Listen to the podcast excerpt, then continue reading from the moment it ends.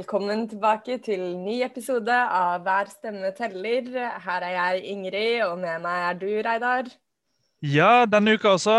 Veldig hyggelig å være tilbake, bak i dette Zoom-rommet. Ja, nå strammer det seg til her. Det er siste fulle uka i august. Snart er det september, valgmåned. Det er altså straks bare to uker igjen, altså på mandag er det to uker igjen. Kanskje du som hører på denne podkasten, hører på mandag, og da er det to uker igjen. Jeg kan ikke fatte hvor fort denne tida har gått, altså. Nei. Nei, det er helt utrolig. Og nå er vi Ja, i dagens episode, Reidar, så skal vi få besøk i dag også. Vi skal få besøk av Linn Elise Øen Mælen, vår første kandidat i Buskerud som skal uh, snakke litt om sine sin, uh, siste forberedelser før hun skal inn som stortingsrepresentant. Og også om profittfri velferd og hva Rødt har tenkt å gjøre for å stanse disse velferdsprofitørene. For vi har jo hatt aksjonsuke nå eh, for profittfri velferd. Og folk har jo vært ute på stands og på gata og på postkasseutdelinger og delt i sosiale medier og skrevet leserinnlegg i aviser.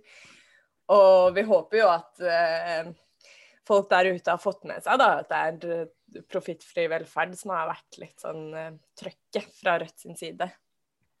Absolutt, og det er jobba mye, mye i media med det. Forhåpentligvis har det kommet noen saker eh, innen dere hører på denne podkasten. Eh, så vi har jobba hardt for at dette skal bli en, eh, en, av flere viktige valgkampsaker. Nå har han kanskje vært litt høyere på agendaen i tidligere, i tidligere valgkamper, men det er jo interessant å se når du begynner å se litt på hvilke, hvilke, konstellasjoner som kan komme etter valget, med hvem som har flertall og hvem de vil trenge, trenge støtte fra, så, så, begynner du å skjønne at spørsmålet om profittfri velferd kan bli høyst aktuelt i, i månedene som kommer. Så det kan godt være at det blir litt mer debatt om profitt i velferden de neste, neste par ukene. Håper det, for det er en sak som er veldig god for, eh, for Rødt, og som er, i tillegg er veldig viktig. Eh, det handler om framtida til til velferden vår, til den fantastiske offentlige velferden som vi har i Norge, og som vi burde utvide og styrke. og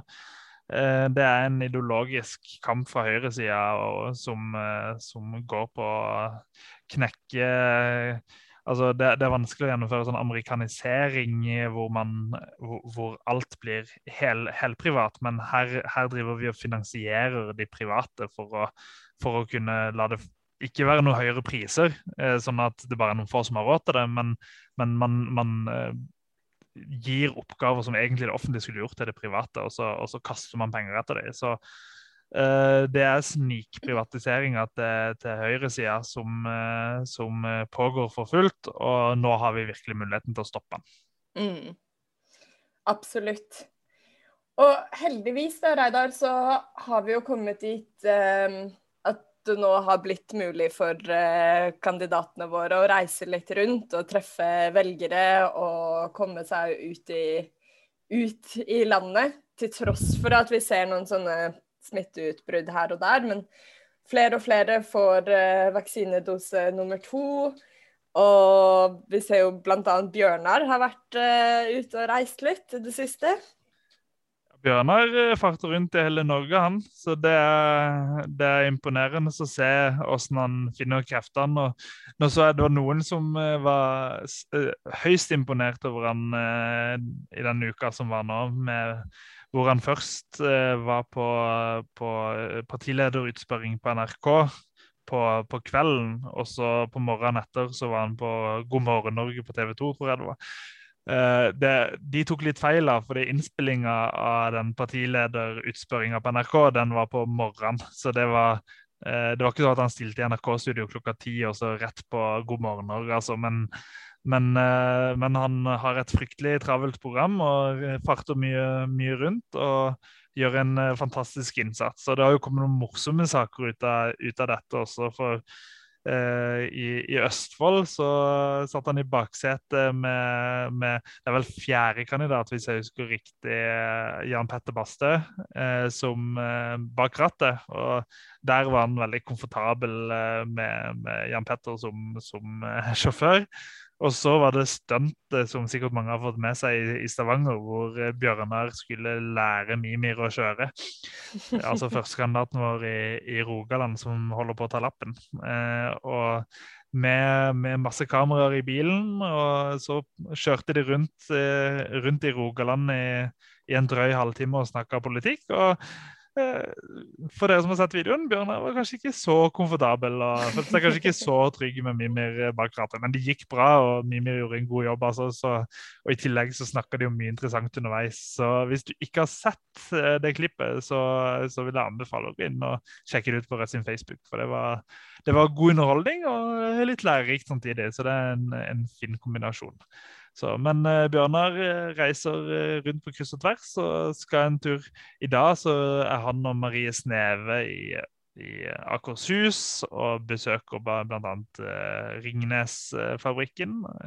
og nå skal han straks til Hordaland og skal til Nordland en tur. Så Moxnes, han er, han er overalt. Mm. Ja, jeg var jo med her Eh, I går på Universitetet i Oslo så var han oppe og skulle snakke for studentene, og det var jo kjempegøy. Det er første gang eh, Ikke første gang, men det, det er um, Der har studentlaget pleid å ha et sånn eh, et uh, konsept som de kaller for rød lunsj. Og dette er den gangen det har vært absolutt største oppmøte når uh, Bjørnar har kommet innom på Rød lunsj. Så det var jo kjempegøy å se at studentene både er så engasjerte og kommer og møter opp, og fikk snakka om de tingene som er opptatt eller som er viktige for studentene i, i valgkampen nå. Det ble jo mye prat om boligpolitikk, f.eks. Um, ehm, om Afghanistan, uh, utenrikspolitikk og klima. Så veldig, veldig stas, altså. Ja, og så kult å se de bildene hvor, uh, av hvor mye folk, folk, det var der oppe. Og uh, at uh, det er masse aktivitet som foregår også på, på Blindern. Og jeg må si at jeg er litt misunnelig på, på det som fikk være der. For Uh, dette er ikke min første valgkamp, for å si det sånn. Jeg har vært, uh, vært uh, svært aktiv siden, siden 2005.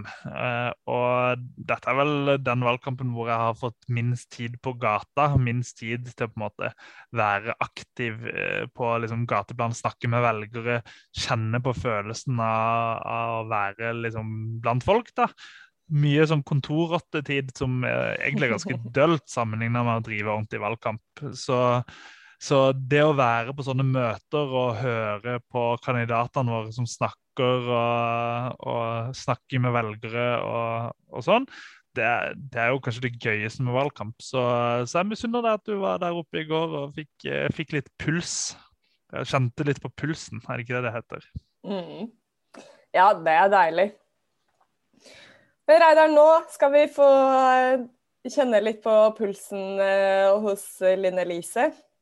Her kommer hun. Da har jeg fått med meg Linn Elise Øen Mælen. Hei, Linn Elise. Hallo. Du er jo, som vi vet, førstekandidat i Buskerud. Og samtidig så jobber du på Stortinget bl.a.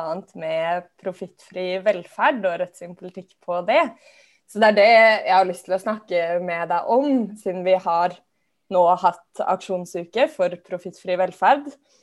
Men kanskje vi kan få høre litt først om hvordan, eh, hvordan, det går med valgkampen i Buskerud? Ja, det går veldig bra. Eh, som for alle andre som driver valgkamp, så er det veldig hektisk med arrangementer og stands og morgenutdelinger og alt mulig rart. Men eh, det er kjempegøy å endelig komme i gang med valgkampen, særlig den fysiske delen. Mm. Og det er jo selvsagt veldig gøy å møte folk som er superpositiv til Rødt. Og jeg mener at uh, Altså, jeg har drevet valgkamp for Rødt siden 2009, og det var hyggelig i 2009, men det er uh, noe helt annet nå. Um, folk er så positive, og det er så mange som skal stemme Rødt. og um, Overalt uh, vi har vært i Buskerud, så har folk sagt at de skal stemme Rødt. Vi har møtt medlemmer, uh, vi har møtt støttespillere, og det er ja, rett og slett bare kjempegøy. altså. Det er gøy. Hva er det du opplever at folk du kommer i prat med, er opptatt av? da? Nei, det er jo ganske mange som er enig i at de har lyst på ny regjering. og mm. så da er det jo da er det ganske mange som også Eller og folk deler jo også det at det å ha en, eh, et stort Rødt med mange representanter på Stortinget um, og en ny regjering vil bety noe nytt for Norge. Og det, jo, det snakker vi jo mye om, da. Uh, hva vi kan få til. Um, hvordan vi kan uh, være med og påvirke både politikken og debatten. Uh, og trekke det i en veldig liksom, rød og tydelig og kraftfull retning.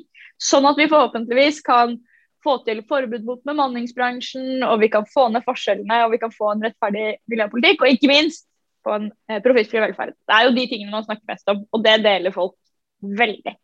Mm.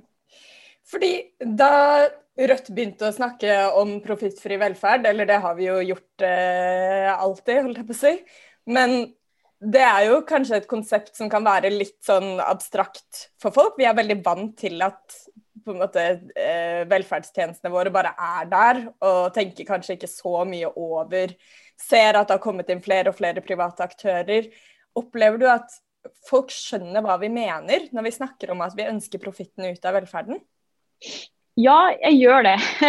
De jeg tror uh, som er som, altså Den eneste gruppa folk jeg tror ikke skjønner hva vi snakker om, det er høyresida. Og og, den, altså, og, de som er de kommersielle kreftene i samfunnet. Det er de som sliter mest med å, å snakke om dette. Eh, vi snakker jo f.eks. om profittfri velferd, der profitten kan være å tjene penger på mange ulike måter. Mens høyresida alltid, når vi stiller til debatt om dette, snakker om utbytte. Og det snakker vi ganske lite om.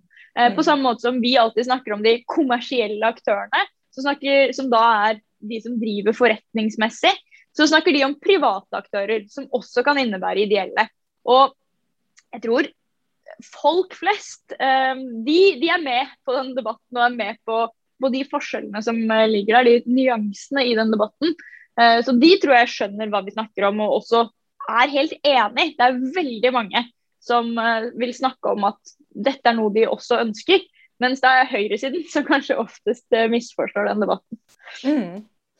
Ja, for et argument som jeg har støtt borti et par ganger i denne valgkampen, som kommer gjerne fra høyresiden eller folk som eh, stemmer Venstre, eller um, Er det der med at Å ja, men for meg er det ikke så farlig hvem det er som eier eller driver tjenestene, så lenge jeg får gode tjenester. Og jeg syns det er helt fint at en barnehageeier f.eks. En, en dame, da, en gründer eller et eller annet sånn, kan tjene litt penger på å drive god barnehage. Og Har du noen tips til liksom, hvordan, kan man, hvordan kan man kontre et sånn type argument? Jeg har eh, mange tips, holdt jeg på å si, på det. Nei, jeg tror nok um, Jeg jeg opplever jo også når vi diskuterer dette her, at folk tror at vi eh, vil ha på en måte offentlig eller kommunal eh, velferd fordi vi er så opptatt av den fordi vi syns den er så god. Men jeg mener jo nettopp kanskje fordi altså, åpenbart det er kjempemange dyktige både ansatte og ildsjeler og, og, folk generelt som, som driver kommunale, nei, herregud, som driver kommunale eh, velferdstjenester. Men jeg mener jo også at vi kan på en måte få en bedre barnehage eller bedre eldreomsorg. Og da er jo en av de tingene jeg mener eh, eldreomsorgen eller barnehagene trenger, er jo da mer penger. Sånn at hvis man da har kommersielle aktører som driver for profitt, så forsvinner jo penger ut der eh, i da profitt eh, som kunne blitt brukt til tjenesten. Som kunne blitt brukt på enda flere ansatte i barnehager. Eller som kunne blitt brukt på bedre lønns- og arbeidsvilkår for de som jobber der. Eh, og det er det jeg tror denne debatten handler om. da. Ikke det nødvendigvis at eh, alt på død og liv trenger å være kommunalt, men at, eh, at det forsvinner mye penger ut som kunne gått til å få til bedre velferd. Og at det er vi, på en måte, det store vi-et, som betaler skatt, som, skal, skal, altså, som, finansierer alle disse velferdstjenestene. Og da er det ikke rett og rimelig at noen tjener penger på det. Mm. Um, så, så, det tenker jeg jo er litt sånn Det er jo grunntonen i alt. da, Det at man altså, rett og slett skal man la de store kommersielle barnehagekjedene, fordi det er jo de det er flest av, eh, tjene mm. penger på barnehage, eller skal man få flere ansatte f.eks. i barnehagen? Mm. Ja, for det er jo snakk om ganske mye penger, er det ikke det? det stemmer. Det er, altså, dette er jo en av de tingene som um, er litt sånn paradoksalt, da. Fordi um, man satte jo ned et velferdstjenesteutvalg som skulle se um, på ståa i velferden. og de klarte jo ikke helt å finne alle eh, måtene man tjener penger på. Fordi økonomien er ikke så gjennomsiktig. Når du har et stort konsern, og hvis vi tar barnehage da, som eksempel, som er noe av det jeg jobber aller mest med, Eh, på Stortinget. Så hvis du tar alle barnehagekonsernene, så er det jo mange av de barnehagekonsernene som har titalls barnehager, kanskje oppi 100 eh, eller flere da barnehager. Og da um, er det ikke gjennomsiktig sånn at du ser hva hver enkelt barnehage bruker pengene på. Da er det bare sånn at det er stort sett, hvis man forenkler litt, altså stort sett er alt bare på en måte én stor økonomi. Og så er det stort sett alltid en post som heter noe sånt noe som transaksjon med nærstående selskaper. Og Det betyr at eh, de barnehagene, f.eks. de Espira-barnehagene vi har i eh, Drammen, de sender da en sum penger over til Espira eh, nasjonalt. Og så er nok noen av de pengene de sender over, helt sånn reelle summer for litt sånn felles regnskap eller felles lønnssystemer eller den type ting. Men de, de, fire barnehagene da, som jeg nevnte i, i Drammen, de, de sender liksom 6,5-7 millioner over til Espira nasjonalt. Og vi kan ikke vite om det Altså, hva ellers er det? Altså, De kan bare sette en sum da, og si at det er liksom det er markedspris eh, i hermetegn for, um, for på en måte leie, eller det markedspris for administrasjonskostnader eller den type ting. Og vi vet ikke noe mer om det enn akkurat det. Så en av funnene på en måte er jo at man har denne merkelige og lite gjennomsiktige selskapsstrukturen som gjør også at man kan tjene penger på dette på helt liksom, tullete måter. Uh, og I tillegg så har man jo et system som har lagt opp utrolig gunstig med um, Man har hatt billige lån som uh, barnehagekjeder kunne få i Husbanken. Man har av og til også fått billige kommunale tomter der man kunne bygge på. Uh, mm. Og det gjør jo at man har bygd masse, masse barnehager. Eh, og så selger man, da, som f.eks. både Gnist-kjeden har gjort, og, og Adolfsen-brødrene, som også er inne i andre velferdstjenester. De har da solgt barnehageeiendom for altså i Adolfsen sitt tilfelle 2,7 milliarder kroner. Og da er det jo sånn at dette er en måte de tjente penger på. da. Og så kan man tjene penger på som sagt, transaksjon med nærstående selskaper. Og så kan man tjene penger på å kutte pensjonskostnadene til de ansatte. Så er jo, man er jo fryktelig kreativ da, når man driver eh, kommersiell barnehage. Det må man i hvert fall eh, gi de. Mm. Men du Line Lise, nå er det snart bare to uker igjen til valgdagen. Og vi satser jo på både regjeringsskifte og en stor Rødt-gruppe, kanskje med deg også. Og hva det Hva kan Rødt gjøre for, fra Stortinget for å, for å, endre på den modellen vi har i dag? Fordi som du sier, så er det jo veldig mye av velferdstjenestene som styres fra kommunene. Så er det et nasjonalt regelverk vi trenger, eller hva kan vi gjøre? Den gode nyheten er at det er ganske mye som kan gjøres fra Stortinget. Um, og så ønsker jo vi um, at man også skal ha f.eks. større selvråderett i kommunene. da. Uh, F.eks. at uh, hvis det er overkapasitet i en uh, kommune, altså hvis det er for mange uh, barnehageplasser, så kan man velge å legge ned en kommersiell og ikke bare de kommunale. Det er jo en ting vi ønsker lokalt, men det er mye av disse tingene vi kan styre nasjonalt. Og Rødt kommer med nå, ganske snart.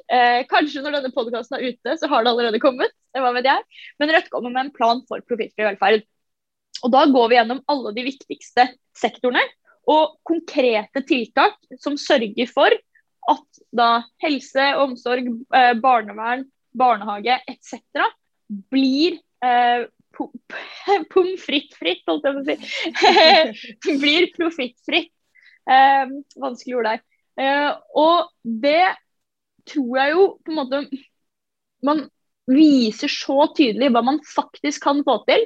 Eh, vi vet at i løpet av denne perioden vi har vært inne, så har Rødt stilt mange konkrete forslag. Vi har til og med fått med oss de rød-grønne partiene på noen av de. Så det vil si at hvis vi får et nytt uh, flertall, så kan vi med Rødt sin hjelp få til noen konkrete ting som vi vet at allerede finnes flertall for. I tillegg til å presse på videre og dra debatten og politikken i vår retning. Så jeg er veldig håpfull om at vi kan få til veldig mye på denne fronten. Så er det dessverre sånn at eh, Senterpartiet og Arbeiderpartiet, kanskje spesielt, har vært litt vinglete i en del spørsmål om eh, profittfri velferd. Så da er det veldig viktig at Rødt er der og får med oss de. Sånn at de både før valget eh, sier og mener noen ting, og også følger opp etter valget. Fordi det er vi ikke garantert eh, nå, for å si det sånn. Mm. Ja, for det vil jeg spørre deg om. Hva tror du, Hvis ikke Rødt eh, hadde vært der, hva tror du vi kan forvente av eh, la oss si en eh, Ap-Sp-regjering alene?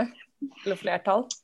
Hvis, hvis, Arbeiderpartiet og Senterpartiet er alene, så tror jeg dessverre man ikke kommer til å se noe kraftfullt her i det hele tatt.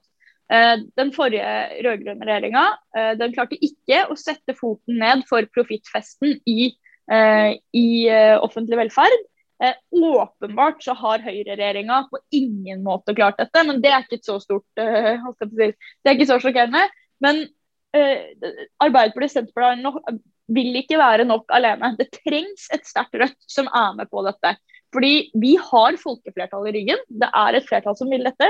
Men jeg tror ikke um, man får en Arbeiderparti-Senterparti-regjering til å gå med på dette, eller dra det langt nok uh, uten oss. Da tror jeg man kommer til å få sånne vage formuleringer, som kanskje at man da får et utbytteforbud, eh, kanskje. Det mener jo vi ikke er nok, fordi som jeg nettopp sa, det finnes mange måter å tjene penger på eh, kommersiell velferd utenom liksom, utbytte.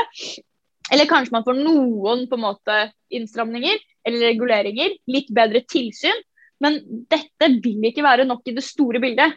Fordi det fins eh, så utrolig mange F.eks. hvis vi fortsetter med barnehager. Da, det finnes så mange eh, barnehager, og det finnes så mange kommersielle barnehager.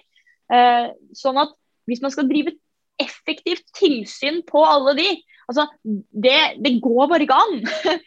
og da holder det ikke f.eks. å si sånn vi må regulere litt bedre eller vi må ha litt mer tilsyn. Da, da får man ikke den altså kraftfulle oppgjøret med velferdsprofitørene som det vi trenger.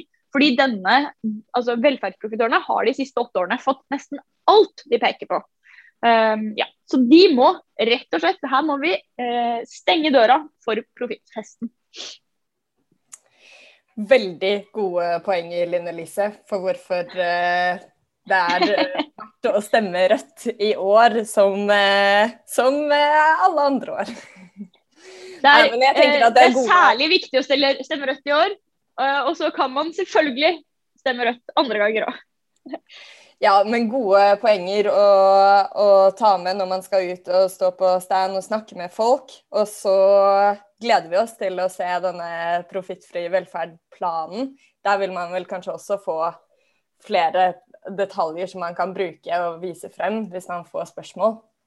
Yes, det vil man få. Mm. Ja, men tusen takk Linn Elise, for at du tok deg tid til å prate litt med oss. Og lykke til videre i valgkampen. Takk skal du ha. Ha det godt. Ha det.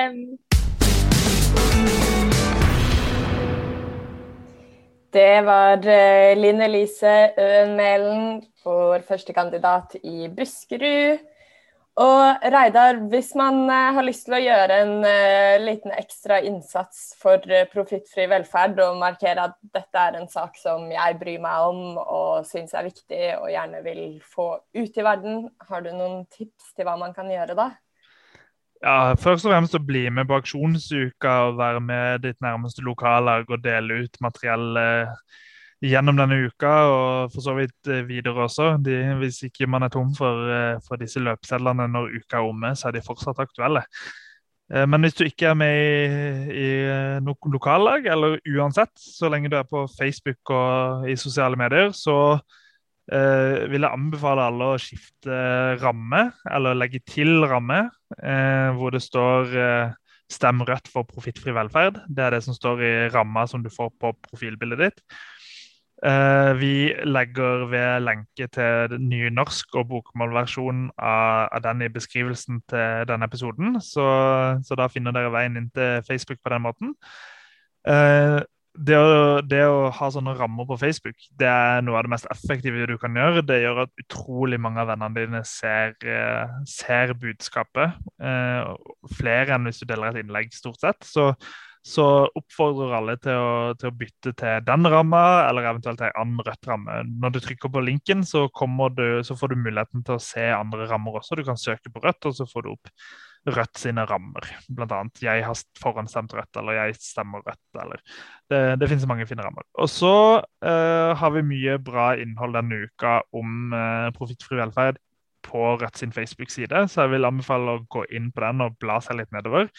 Og Der eh, lanserte vi bl.a. en veldig fin film denne uka. Eh, I en slags, slags sånn minidokumentarserie om, eh, om Forskjells-Norge. Så, så, er det en veldig fin tre minutter lang film om profittfri velferd. Eh, som, eh, hvor man intervjuer bl.a. Eh, Linn Herning, som er en av Norges største eksperter på velferdsprofitører, jobber for velferdsstaten. Uh, og med en barnehagelærer som, uh, som snakker om, om, forskjellen på eh, kommersielle og, og kommunale barnehager. Så uh, den er utrolig godt lagd, veldig fin, får fram budskapet på en god måte. Anbefaler å gå inn og dele den. Og, og hvis du ikke gidder å dele den, så anbefaler jeg i hvert fall å se den. Men, men å dele den er, er, nyttig, for da er det mange som får sett en veldig god film om, om et viktig politikkområde. Mm, absolutt. Lik, lik og del. lik og del. Skal, ja, det er mange som blir litt irritert over at man sier det pga. det er sånn Listhaug-språk, men realiteten er at denne påminnelsen om at uh, det å like og dele er viktig, det, det, er noe som fungerer. og Det er ikke Listhaug som har funnet på det, men, uh, men uh, det er ikke dumt av henne å, å, si det. Og det er ikke dumt av oss å si det. Men jeg skjønner hvorfor folk syns det er irriterende å bruke en oppskrift som også hun bruker. Mm. Men Reidar, hvordan ligger vi an på målingene? Enda en uke har gått. Har det kommet noe nytt? Ja, det kommer uh, stadig vekk nye målinger. Så nå, nå, har pulsen min gått litt ned igjen. Uh, det ser ja, bra Ja, det det er, godt nytt, altså. Så nå, nå, har det kommet mye målinger som, uh, som er hyggelige. kanskje spesielt fra TV 2, hvor vi fikk en måling på 6,3% men men hvis du ser på snittavmålingene, av målingene, så, så, ligger vi an til å havne på ganske så nøyaktig 5 i august.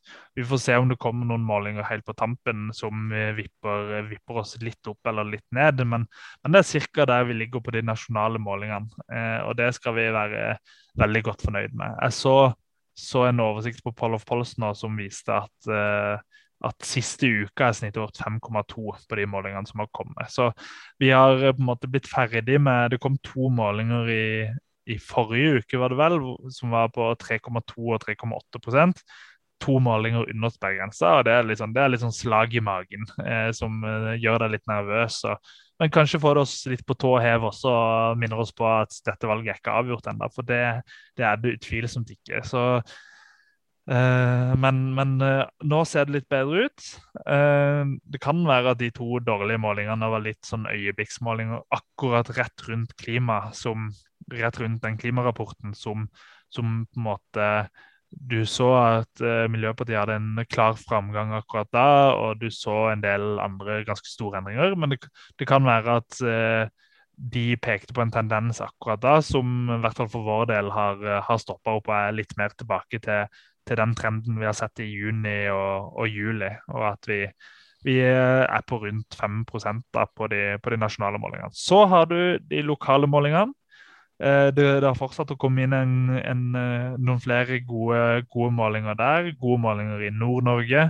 En rekordmåling i, i Nordland, hvor, eh, en av våre mange tidligere gjester, Geir Jørgensen, eh, er inne på direktemandat eh, i den målinga med margin. 7,8% i Nordland, eh, som er helt rått. Ja, det er fantastisk. Så har det kommet målinger på pluss to målinger i Troms på rett over og rett under 5% som er et kjempevalgresultat. Og så er det et eller annet som skjer i Finnmark. altså. For Der, for eh, der uh, fikk vi ny, sterk måling. Der har vi også hatt én måling på over 7 men denne gangen fikk vi 6,5, uh, som, som, er kjempebra. Og så er det jo andre ting som rører seg der også. For, for det er en egen lokal liste som heter Pasientfokus. De har jo en interessant sykehuskamp som, som, foregår i Finnmark. Men det er en sånn Alta-basert liste. De ønsker et eget sykehus i Alta. Eh, som, som eh, på én måling kom inn på direkte mandat fra Finnmark. Og det er helt sjukt hvis det skjer.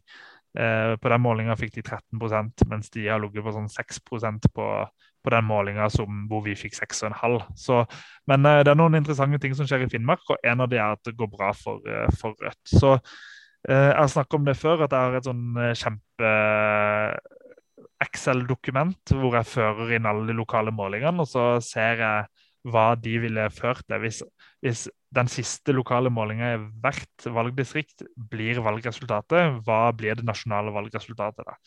Og akkurat nå så ligger eh, det på 5,4 Eh, så det er jo faktisk helt, eh, helt sjukt. Og En av grunnene til at det ligger på 5,4, det er at vi også har fått en ny Oslo-måling. Det glemte jeg å nevne. Eh, på 9,8. Og det er vel den nest beste Oslo-målinga vi har hatt de siste par årene. Så, så, og, og, den beste det var jo forrige NRK Supermåling som kom for et par uker siden. nå, så, så det tyder bra akkurat nå ser det ut til at uh, Seher Aydar skal komme inn som Rødt sin andre, andre stortingsrepresentant for Oslo. Og for de som driver valgkamp i Oslo, så er det ikke umulig å få inn uh, en tredje på, på, utjevningsmandat. Så all grunn til å stå på i Oslo også. Så kom det en måling i Oslo uh, for, for, noen dager siden også som var litt dårligere. Så, så man er ikke 100% sikre på, på oppslutninga. Eh, den var på 7,5% Det er fortsatt 0,3 høyere enn det vi fikk i lokalvalget sist, så, så det er også en framgang. Men på den målinga så, så er ikke Seher inne. Den som er inne i stedet da, på siste mandat i Oslo, vet du hva han heter? Ja, dessverre. Hmm. Jon, Jon Helgheim. Helgheim. Så, så, det er jo et mareritt av dimensjoner hvis han skulle ende på Stortinget og ikke se her i dag.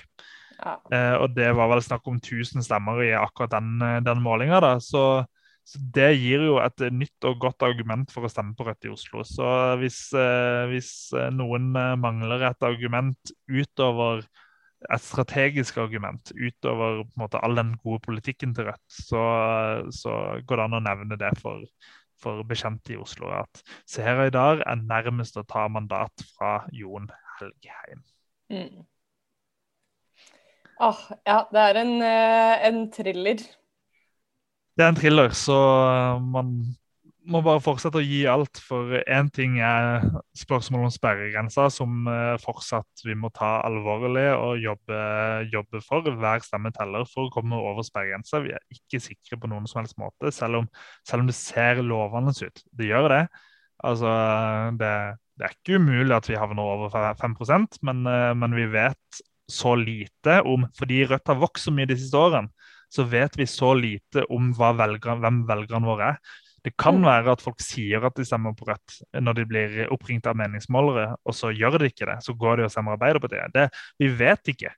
Så det ser lovende ut. Hvis folk gjør det de sier, så skal vi klare det med god margin sånn det ser ut akkurat nå. Eh, men vi vet ikke hva de to neste ukene byr på, og vi vet ikke hva de som eh, sier de skal stemme Rødt, faktisk ender opp med å gjøre. Så vi må ta det bånn seriøst. Og så vet vi at, eh, at vi, vi, har god mulighet til å klare sperregrensa. Og vi vet også at i hvert eneste valgdistrikt nå så er det en egen grunn til å stemme Rødt, og det er for å få inn den lokale representanten. Og, og Seher Øydar er et veldig godt eksempel på det. Uh, og nå, nå, virker det som vi kan kjempe om veldig mange direktemandater. Vi er i kampen i Nordland for alvor nå. Vi er i kampen i Hordaland for alvor, i Sør-Trøndelag, i Akershus, uh, i Østfold. Og så er vi uh, også med i kampen om ja, Og i, i, i Rogaland. og så er vi i kampen om utjevningsmandat i alle de andre fylkene. Så, så shit, det er mye å jobbe for de neste ukene, altså. Ja, ja, nei, nå tror jeg vi nesten må eh, runde av her, Reidar, for å løpe ut og jage folk inn i stemmelokalene. yes, jeg skal i hvert fall stå på, stå på ny stand, eh, stand, i morgen. Eh, mellom, mellom slagene på hjemmebane også, så gleder jeg meg til å, til å, treffe litt velgere og til å møte noen Rødt-aktivister og, og, få litt, litt, følelsen av denne valgkampen som, som foregår på gata i hele landet. Det blir bra. Vi må ønske alle sammen en eh, riktig god valgkamphelg, og så høres vi igjen i neste uke. Hei så lenge.